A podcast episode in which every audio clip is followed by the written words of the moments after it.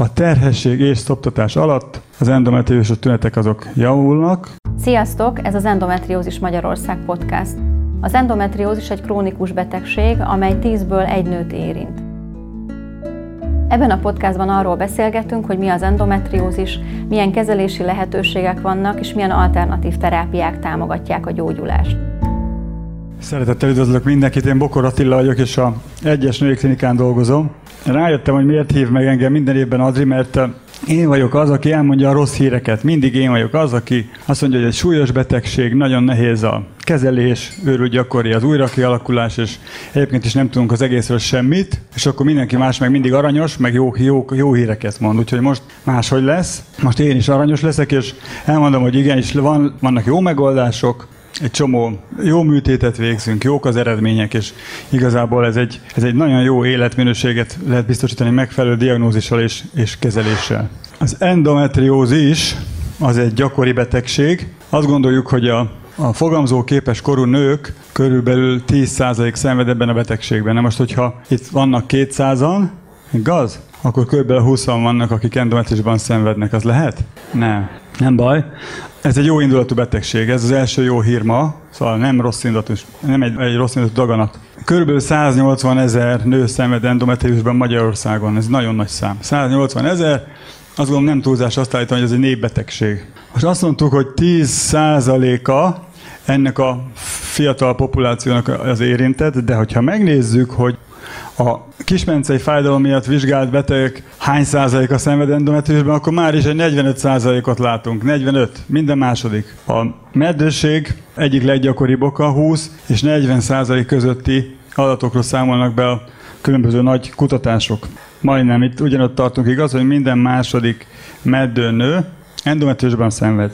A, mi végeztünk egy nagy kutatást, egy, több európai centrumra és, és néhány amerikai egyetemre is kiterjedt ez a kutatás, úgy hívják, hogy endokoszt vizsgálat, és ebből az derült ki, hogy Magyarországon a három fő vizsgált életminőség kategóriát néztünk ebben a vizsgálatban, és látjuk, hogy a befolyásolta az endometriózis ezt a bizonyos életminőség kategóriát, a kék oszlopok meg azt mutatják, hogy nem befolyásolta az iskolai részvételt, illetve az iskolai teljesítményt döntően nem befolyásolta, de minden mást, például a munkavégzést, közel a betegek felében, személyes kapcsolatokat, a beteg az összes megkérdezett 40%-ában befolyásolta. Szóval ez egy azon túl, hogy fájdalmat okoz, ugye? Azon túl, hogy meddőséget, ráadásul az életminőségre is nagyon rossz hatással van. Na most az az én kérdésem, hogy ki tudja, hogy mi okozza az endometriózist? Ki, itt, itt egy csomó specialista van, itt sok, sok arcot ismerek. Mi okozza az endometriózist?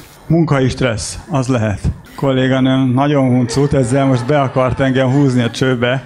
Szóval, hogy a munkai stressz valóban, az lehet, de az a lényeg, hogy nem tudja senki. Nincs olyan ember a világon, aki ezt, mert a nagyon-nagyon egyszerű kérdése választ tud adni. Senki se tudja. Valószínűleg több koroki tényező egy, egyidejű fennállása az okoz az endometriózist. Na most a, a másik feladatom azon túl, hogy a rossz híreket elmondjam, az, hogy beszéljek a különböző nemzetközi irányelvekről, azt meg fogom tenni, és az, azért is itt vagyok, hogy a tévhitekről is beszéljek. Nagyon sok tévhit hozzáférhető, ugye az interneten, meg a különböző baráti körökben, mindenhol. Na most a magas ösztrogén szint és ösztrogén dominancia okozza az endometriózist, nem az okozza. Jó, ez egyik tévhit. A másik, inzulin rezisztencia okozza az endometriózist, teljesen kizárt. Jó, biztos, hogy nem. PCO szindróma okozza az endometriózist, egyáltalán nem. Helytelen táplálkozás, az sem. Ez nem vagyok népszerű, mert tudom, hogy itt most ezt mindenki attól azt várja, hogy a nagyon egészséges ételektől majd meggyógyul, de képzeljék el, hogy egy csomó olyan embernek is van endometriós, aki egyébként nagyon egészségesen táplálkozik. Úgyhogy Sajnos ez nem, nem ennyire egyszerű az ok és okozati összefüggés, de nem lehetetlen egyébként, hogy a táplálkozásnak lehet köze az endometriós kialakuláshoz, de az nem jelenthető ki, hogy a rossz táplálkozás az endometrist okozna. Na most hol lehet endometriózis? Hol fordulhat elő? Mindenhol. Jó, mindenhol. A hasüregben, még a hasüregen kívül is nagyon gyakran érintett szervek, a petefészkek, a bél és a hüvely közötti kötőszövetes sövény, húgyhólyag, vastagbél, vékonybél, vakbél, hashártya. Na igen, szóval hogy is néznek ki ezek az endometriózisos elváltozások? Alapvetően három formát különböztetünk meg, vannak a hashártya, endometriózisos elváltozások, ilyen mini kis felrakódások a hashártyán, mert mutatok néhány fotót. Léteznek a petefészek ciszták, vagy csokoládé ciszták, és a, úgy hívják ennek a betegségnek a leg, legsúlyosabb formát, hogy mélyen infiltráló endometriózis, ez akkor beszélünk erről, hogyha az endometriózis a peritonális felszín alatt legalább 5 mm mélységben infiltrál. Szóval mondjuk, hogyha a vastagbél falába terjed az endometriózis, akkor azt mélyen infiltráló endometriózisnak hívjuk. Hogyha súlyosabb a helyzet, akkor már ezt látunk, ilyen nagy petefészek, cisztát, egy csomó összenövést, itt a bél hozzá van tapadva a, a még hátsó falához. Na most van egy olyan formája is, hogy adenomiózis. Arról hallott valaki az adenomiózisról esetleg? Adenomiózisról akkor beszéljünk, hogyha a még sejtjei közé, a még izomzatba terjed az endometriózis, ez az adenomiózis.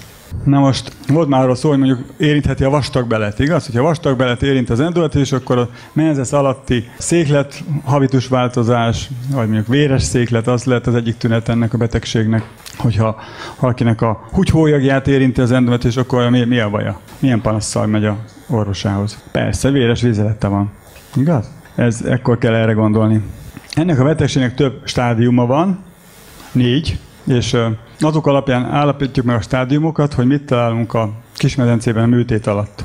Mert majd erről lesz szó, hogy a, ennek a betegségnek az egyetlen lehetséges diagnózis az, hogy műtét, a laparoszkópia, nincs más. És hát ez egy csomó probléma forrás, hogy, hogy egyszerűen nehezen szálljuk rá magunkat, mi nőgyógyászok arra, hogy műtétet végezzünk, akik, és a betegek is nagyon nehezen szállják rá magukat, hogy csak azért, mert fájdalmas a menstruációk, most miért kell őket elaltatni, nem? Hát ez, ez egy nehéz gond. Na, na most itt az van, hogy uh, itt vannak ezek az összenöv, itt vannak ezek a stádiumok. A stádiumokat a hashártyán látható endometriózisos elváltozások, a petefészek, ciszták mérete, illetve az összenövéseknek a kiterjedése az adja meg. És ezek alapján állít, állapítunk meg stádiumokat. Nagyon fontos, hogy minden egyes műtét után mindenkinek tudnia kell, milyen stádiumú betegségben szenved. A diagnózis. Egyenlő laparoszkóppal. Nincsen Főleg a korai betegségben egyszerűen nincsen megfelelő tesztünk, nincsen megfelelő diagnosztikus eljárás.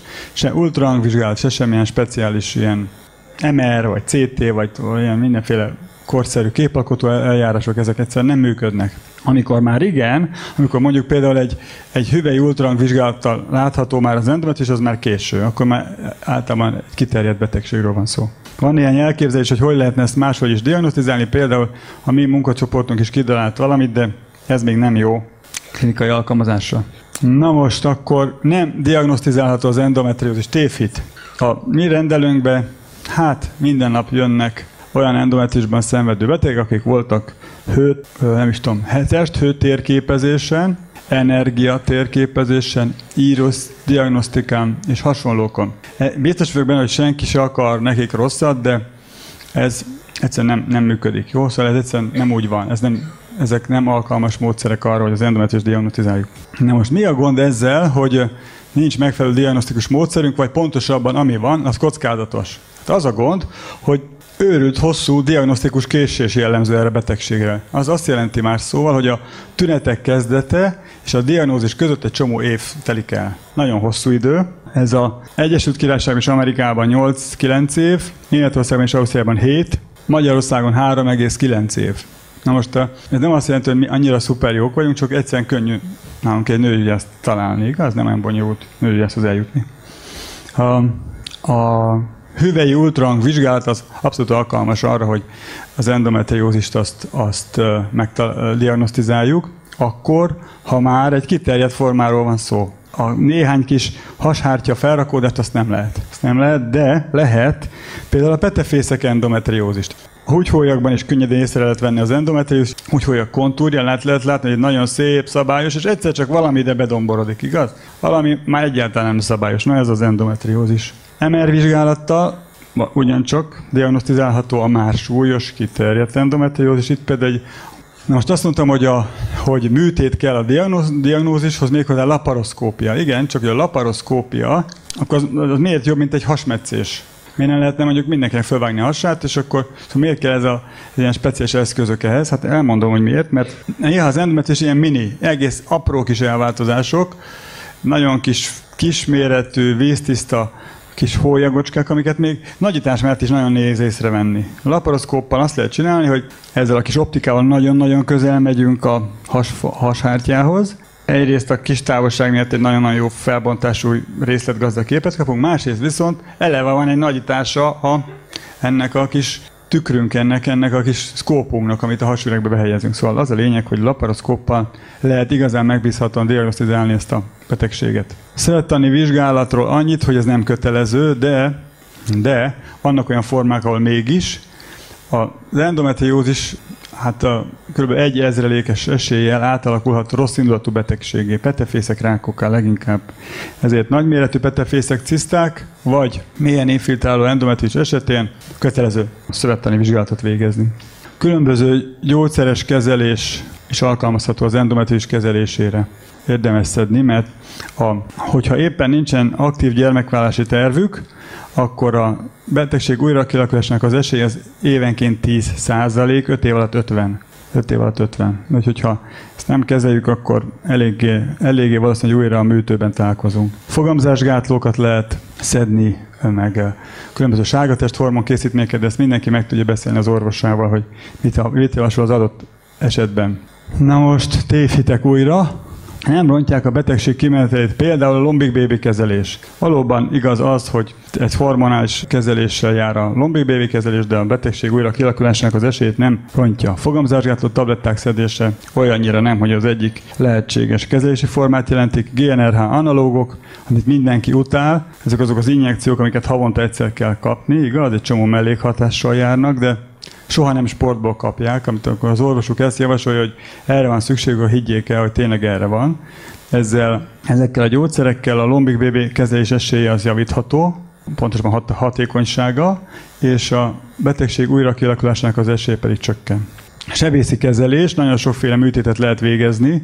Mi itt a klinikán a, a nagy számú műtétet végzünk, ott a betegség különböző formáiban leginkább a súlyos endometriózisos eseteket szoktuk mi operálni, petefészek endometriós esetén szépen ki kell ágyazni a petefészek cisztákat, a hashártya endometriós elváltozásokat, vagy lézerrel, vagy bármi más eszközzel szépen el kell párologtatni a hashártyáról, illetve hogyha mást érint, mondjuk például a húgyvezetéket, vagy a májat, vagy a, vagy a rekeszizmot, akkor annak ki kell metszeni.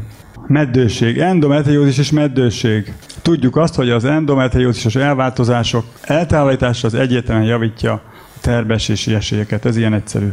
Minden látható endometriotikus elváltást ki kell operálni, és akkor javulnak a terbesési esélyek. Súlyos endometriózisban súlyos endometriózisban lombik bébi kezelés javasolt. Egy, van egy olyan ilyen skála rendszer, amivel a műtétek után javasolni lehet azt, hogy milyen terbeesési módot válasszon a betegünk, attól függően mit találtunk a műtét során. Ezt úgy hívják, hogy ilyen endometriózis fertilitási index, FI.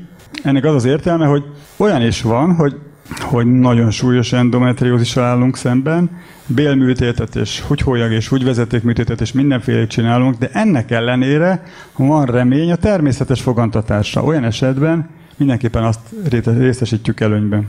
Na és akkor irányelvek. Na, az ESSE nevű társaság, ez az Európai Humán Reprodukciós és Embriológiai Társaságot jelenti más szóval, és Hát ők azok, akik legnagyobb részletessége és legnagyobb mélységben foglalkoznak az endometrius diagnosztikájával és kezelésével. Azért vagyunk erre büszkék erre a, erre a irányelvre, mert ezt itt Budapesten mi a mi szervezésünkben hoztuk létre ezt az irányelvet, jó néhány évvel ezelőtt. Na de nem csak az esre létezik, más társaság is, más tudományos társaság is foglalkozik az endometriózissal, a betegekkel, és számukra érthető, nagyon jól hasznosítható tanácsokat adnak. Ilyen például az amerikai reprodukciós medicina társaság, az ESRM, vagy a british, az angol orvosi kamarának a nőgyógyászati a szakosztálya, ahol szintén nagyon-nagyon jó és könnyedén érthető irányelvek vannak. Betegek számára külön, külön nem orvosi nyelven, hanem mindenki számára érthetően fogalmazott irányelvek érhetőek el. Na, hát akkor nézzük csak, hogy mit mondanak ezek a, ezek a irányelvek. Ugye azt mondják, amiket mit csinálunk itt a klinikán, hogy azt kell csinálni, hogy akinek első vagy második stádiumú endometriózisa van, első és második stádiumú endometriózisban minden látható elváltozásnak a kimetszése az javítja a terbesési esélyeket. Ez szuper.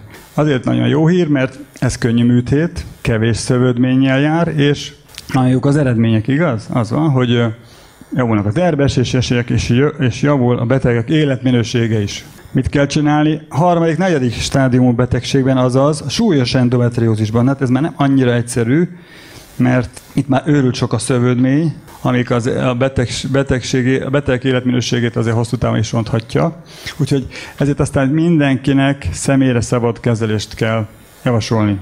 De azt írja ez a ESE guideline, hogy hát választhatja a klinikus azt, hogy műtétet javasol, és a műtét nagyobb, hat, jobb hatékonyságú, mint a várakozás. Egy szóval javítható a teherbeesési esélyek, de hát mindenképpen fel kell hívni a beteg figyelmét arra, hogy itt már nem annyira egyszerű műtétekről van szó.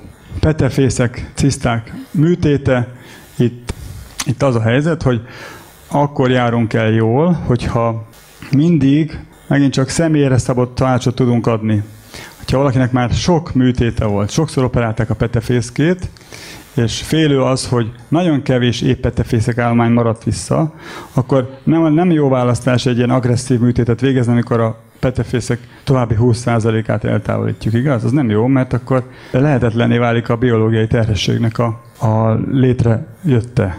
Ezért különböző más műtéteket végzünk, nekünk is mindenféle speciális eszközünk van erre itt az egyetemen, és mindig olyan műtétet választunk, ami a lehető legjobb ovariális ilyen petefészek tartalékot tudunk megkímélni a műtétek során. Szóval itt, itt nem annyira egyszerű a dolog, hogy kioperáljuk a cisztát és luszpász. Ez nem, nem nehéz műtét technikailag, könnyű megcsinálni, és, és bárki el tudja végezni. Inkább az a nehéz, hogy utána hogyan tovább, az, az nem, nem, nem egy triviális kérdés. Na most a, az a házi feladat, én ez egy rejtvénynek szántam, hogy mindenki menjen haza és nézze meg az ESRE honlapján, hogy mit ír az endometriózis kezeléséről a táplálkozás vonatkozásában az ESRE. Jó, nézzék meg. Nincs sok jó hírem. Akkor tévhitek négy. Nem gyógyul meg az endometriózis terhesség következtében. Sajnos a terhesség az nem, nem elég ahhoz, hogy meggyógyuljon az endometriózis. A terhesség és szoptatás alatt az endometriózis tünetek azok javulnak, betegség biztos, hogy nem romlik, de a menstruációs ciklus újra kezdésétől fogva ez nyilvánvaló, hogy, hogy ez a terhességnek a védő hatása az elmúlik. Torna gyakorlatok. Mindenki másba hisz, persze, tudom. Nagyon sokféle speciális torna van, igaz? Nem akarok most egyet sem mondani, mert úgyis ismerik őket. Nincs olyan, ami jobb lenne, mint a kocogás vagy a úszás, jó? Teljesen biztos, hogy nem. De ez nem azt jelenti, hogy a torna az rossz, szóval ne értsenek félre, de nincs olyan speciális torna, ami jobb lenne, mint a másik. Jó? Ez, ez egyszerűen egy tévedés. Azt sportoljanak, amit akarnak, röviden ez a lényeg. Nagyon fontos kérdés, és gyakran teszik föl ezt, hogy egy esetlegesen létrejött terhességre vonatkozóan jelente valamiféle kockázatot az endometriózis kialakulása. Szóval, ha valakinek endometriósa van, akkor az egy nagyobb rizikót jelente, és azt kell mondanom, hogy igen. Különböző terhességi korképek, mint például előfehlő, méhlepény, koraszülés, méhen belüli növekedésbeli retardáció vagy elmaradás, sőt egy ilyen preeklampsia nevű betegség is gyakrabban fordul elő. Ez a preeklampsia azt jelenti, hogy, hogy fehérje, ürítéssel és magas vérnyomással járó súlyos terhességi korképpel állunk szemben. Ilyenkor a, a terhességnek a kiviselése az csak speciális intézetekben lehetséges. Van itt még valami, hogy a, mély, főleg a súlyos endometriózisban nem ritka, hogy a méhfalat is érinti, hogyha mondjuk valakinek egy nagy bélendometriózis, akkor elég gyakori az, hogy a méh hátsó falába is beterjed az endometriózis. Sőt, abban sem vagyunk benne biztosak, hogy nem ott kezdődött és azt terjedt a bélbe, de ez mindegy is. Vagy hogyha mondjuk a, valakinek egy nagy méretű hólyag endometriózisa van, az nem ritka, hogy akkor a méh melső falát érinti ez az adenomiózis. Ilyen esetekben eléggé nagy az esélye a méh repedésnek, ezért a császármetszést javasoljuk ilyen esetekben a szülés módjának. Lényeges, hogy ugye az eddig, eddigebből kitűnt, hogy, hogy ez egy komplex betegség. Nagyon sok szempontból érdemes vizsgálni és megközelíteni, ezért ezért egy megfelelően komplex és, és jól felépített hát centrum szükséges ahhoz, hogy ezt rendesen kezelni lehessen. Úgyhogy ami az én feladatom az ennyi, hogy lehetőleg normális műtéteket végezzünk, de az összes többi, ahhoz egy csomó társat kellett találni az elmúlt években, és ez sikerült is, úgyhogy a mi centrumunkban megfelelő lombik bébi kezelés elérhető, szuper pszichológus dolgozik velünk, a női egészségért alapítvány dolgozik velünk, vagy mi velük, vagy hogy is mondjam csak.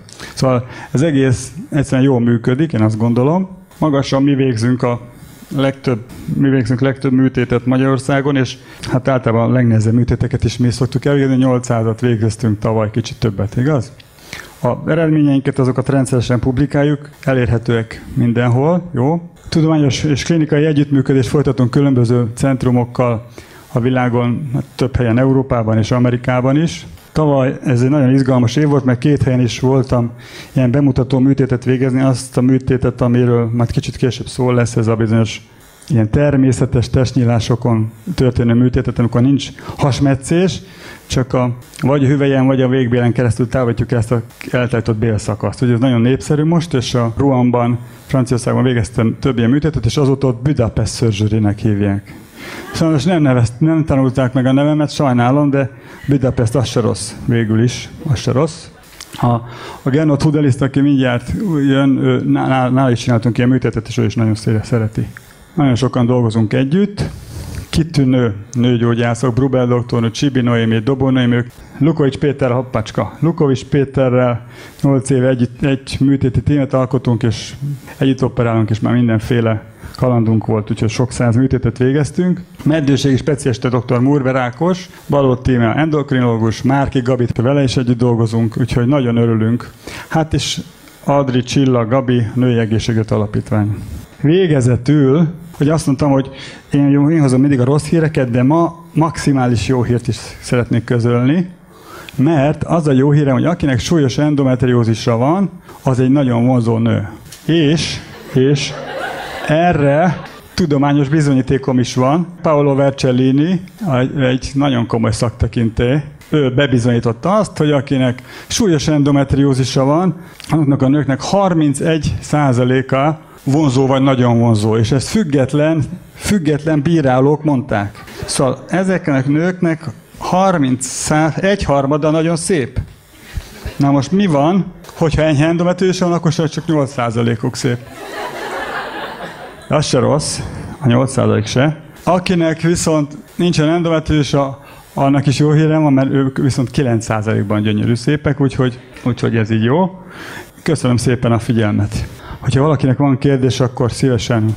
Tehát önhöz, mint magyar nőgyógyászhoz lenne egy kérdésem, mégpedig az, hogy egy, tehát ön ugye endometriózis specialista, de mondjuk egy átlagos TB-s kerületi nőgyógyászra gondolok, nekik van-e valami éves továbbképzésük, vagy van-e valami ehhez kapcsolódó továbbképzésük, mert nekem az volt a tapasztalatom, hogy sok nőgyógyász nem igazán ismeri ezt a betegséget. Értem, hogy mire gondol, és hogy Szerintem egyre több egyébként, és nem annyira vészesen rossz a helyzet, higgy el, és van persze ilyen továbbképzés. Csak azt tudom mondani, hogy ha nem tudom, van egy, van egy autója, és a, annak valamilyen speciális hát ilyen problémája van, akkor azt, azt a specialistát kezeli, aki tud, keresi, aki tud ebben segíteni. Nem? Szóval hogy az a baj, hogy egyszer nem várható el, most ez a orvostudomány, az egy ilyen hihetetlenül változó, napról napra ezerszeres információval bővülő tudományág. Hogyha megnézi, hogyha ma ráklikkel egy ilyen orvosi adatokat tartalmazó adatbázisban az endometriózisra, akkor azt látja, hogy 140 ezer cikk foglalkozik ezzel. 140 ezer. Jó? És akkor, hogyha ráklikkel egy fél év múlva, akkor azt fogja látni, hogy 190 ezer. Na most ezt nincs az, az ember, aki ezt, ezt nyomon tudja követni, ezért aztán minden területnek megvannak a specialistái, ezeket érdemes megkeresni. E, igen, csak ha ugye az ember nem tudja, hogy mi a betegsége, és a kerületi nőgyógyász ezt nem veszi észre, akkor soha nem jut el a specialistához sajnos. Hát figyeljen, igen, röviden. Ha van más kérdés esetleg?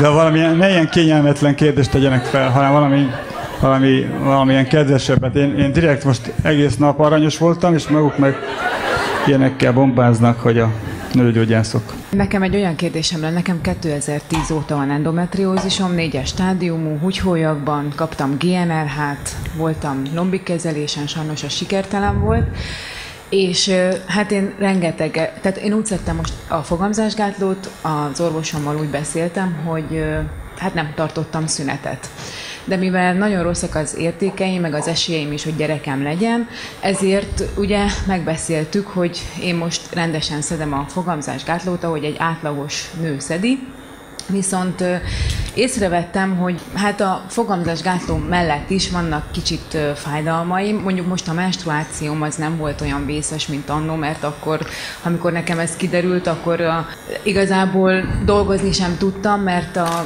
a pisilést azt nem tudtam tartani, és 5 percenként kellett mennem, és azért egy munkahelynél elég vicces, amikor az ember 5 percenként kiszalad a mosdóba. És én úgy gondolom, hogy lehet, hogy most már nem a legjobb fogamzásgátlót szedem. A vizánt azt nem bírtam, attól nagyon rosszul vagyok. Most a marvelont szedem, de ön szerint beszéljek az orvosommal, hogy egy másik gyógyszerre térjünk át, igen, én azt gondolom, hogy az lenne a legjobb ötlet, hogyha megbeszélnék, hogy, hogy ez most már nem működik, panaszai vannak emellett, úgyhogy cseréljék ki. De nagyon sok gyógyszer van, nagyon sok fogamzásgátló készítmény, és már biztos vagyok benne, hogy meg fogják találni a megfelelőt, ez teljesen biztos. Köszönöm. Köszönöm, hogy jött van. Jó napot kívánok! Juditnak hívnak, és én azt szeretném megkérdezni, hogy mit tud a főorvos úr, hogy milyen kutatások és fejlesztések vannak jelenleg endometriózis tekintetében a világon és Magyarországon esetleg? Legjobb, legjobb kérdést tette fel ma, úgyhogy... Újságíró vagyok amúgy. Szuper. Na most az van, hogy, hogy ha nagyon sok kutatást végzünk, vannak klinikai kutatások, amik elsősorban korszerű műtéti eljárásokra irányulnak, az a műtét, amit, amit említettem, azt mi Magyarországon fejlesztettük ki, akkor vannak különböző alapkutatás témakörébe tartozó kutatások, amikor megpróbáljuk megérteni ennek a betegségnek a mechanizmusát. Ugye azt mondtam, hogy fogalmunk sincs, hogy mi okozza, ráadásul még a természetes lefolyását sem ismerjük, szóval nem tudunk, nagyon keveset tudunk el a betegségről, úgyhogy hát számos olyan fehérjével kísérletezünk, amelyek, amik segítenek megérteni a betegség lefolyását, olyan fehérjékkel és olyan molekulákkal, amelyek segíthetnek olyan diagnosztikai modelleknek a kidolgozásában, amelyekhez nem kell műtét végre, ugye? Mert nagyon jó volna, hogyha valakinek fáj a hassa, vagy fáj a menzesze, szépen bejönne egy rendelőbe, vennénk tőle vért, igaz? Egy ilyen mini kis kémcsőbe elküldenénk egy laborba, és kapna egy e-mailt, hogy mondjam önnek endometriusom van, vagy nem.